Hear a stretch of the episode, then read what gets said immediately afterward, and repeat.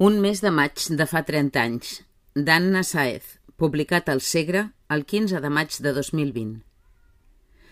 Potser no ho van verbalitzar, però fa pocs mesos ens van veir una estranya sensació de felicitat.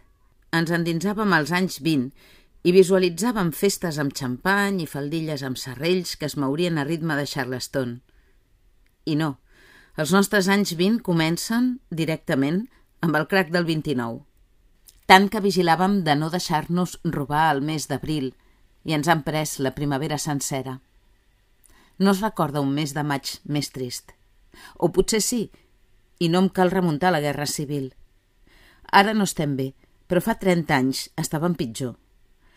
El 21 de maig del 1990, l'Audiència Provincial va absoldre de violació un jove de 20 anys, malgrat que el tribunal considerava provat que havia mantingut relacions sexuals amb una menor de només 16 sense el seu consentiment.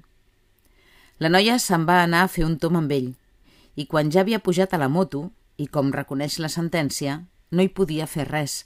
Se la van portar un descampat on, conscient de la llunyania i la solitud del lloc i de l'ansietat d'ella que havia d'arribar aviat al seu domicili, va proposar-li mantenir relacions. Ella s'hi va negar. Ell li va dir que si no hi accedia hauria de tornar caminant i la va tirar a terra. La va agafar pels braços i va realitzar el coit davant la passivitat de la jove, que s'hi va oposar verbalment, però no físicament.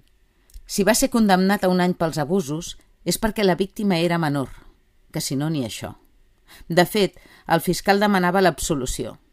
L'endemà, el Suprem va rebutjar el recurs de cassació i confirmava la que ja es coneixia com a sentència de la minifaldilla dictada el 17 de febrer del 1989. És prou coneguda.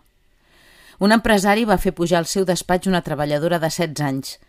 Li va oferir prorrogar el contracte a canvi de sexe i ella va dir que no. L'home, segons considerava provat al tribunal, la va grapejar després de raconar-la contra la paret. Si només va ser condemnat a pagar 40.000 pessetes, 240 euros, per abusos deshonestos, és perquè el jutge creia que, si acaso inocentemente, ella el va provocar per portar una minifaldilla.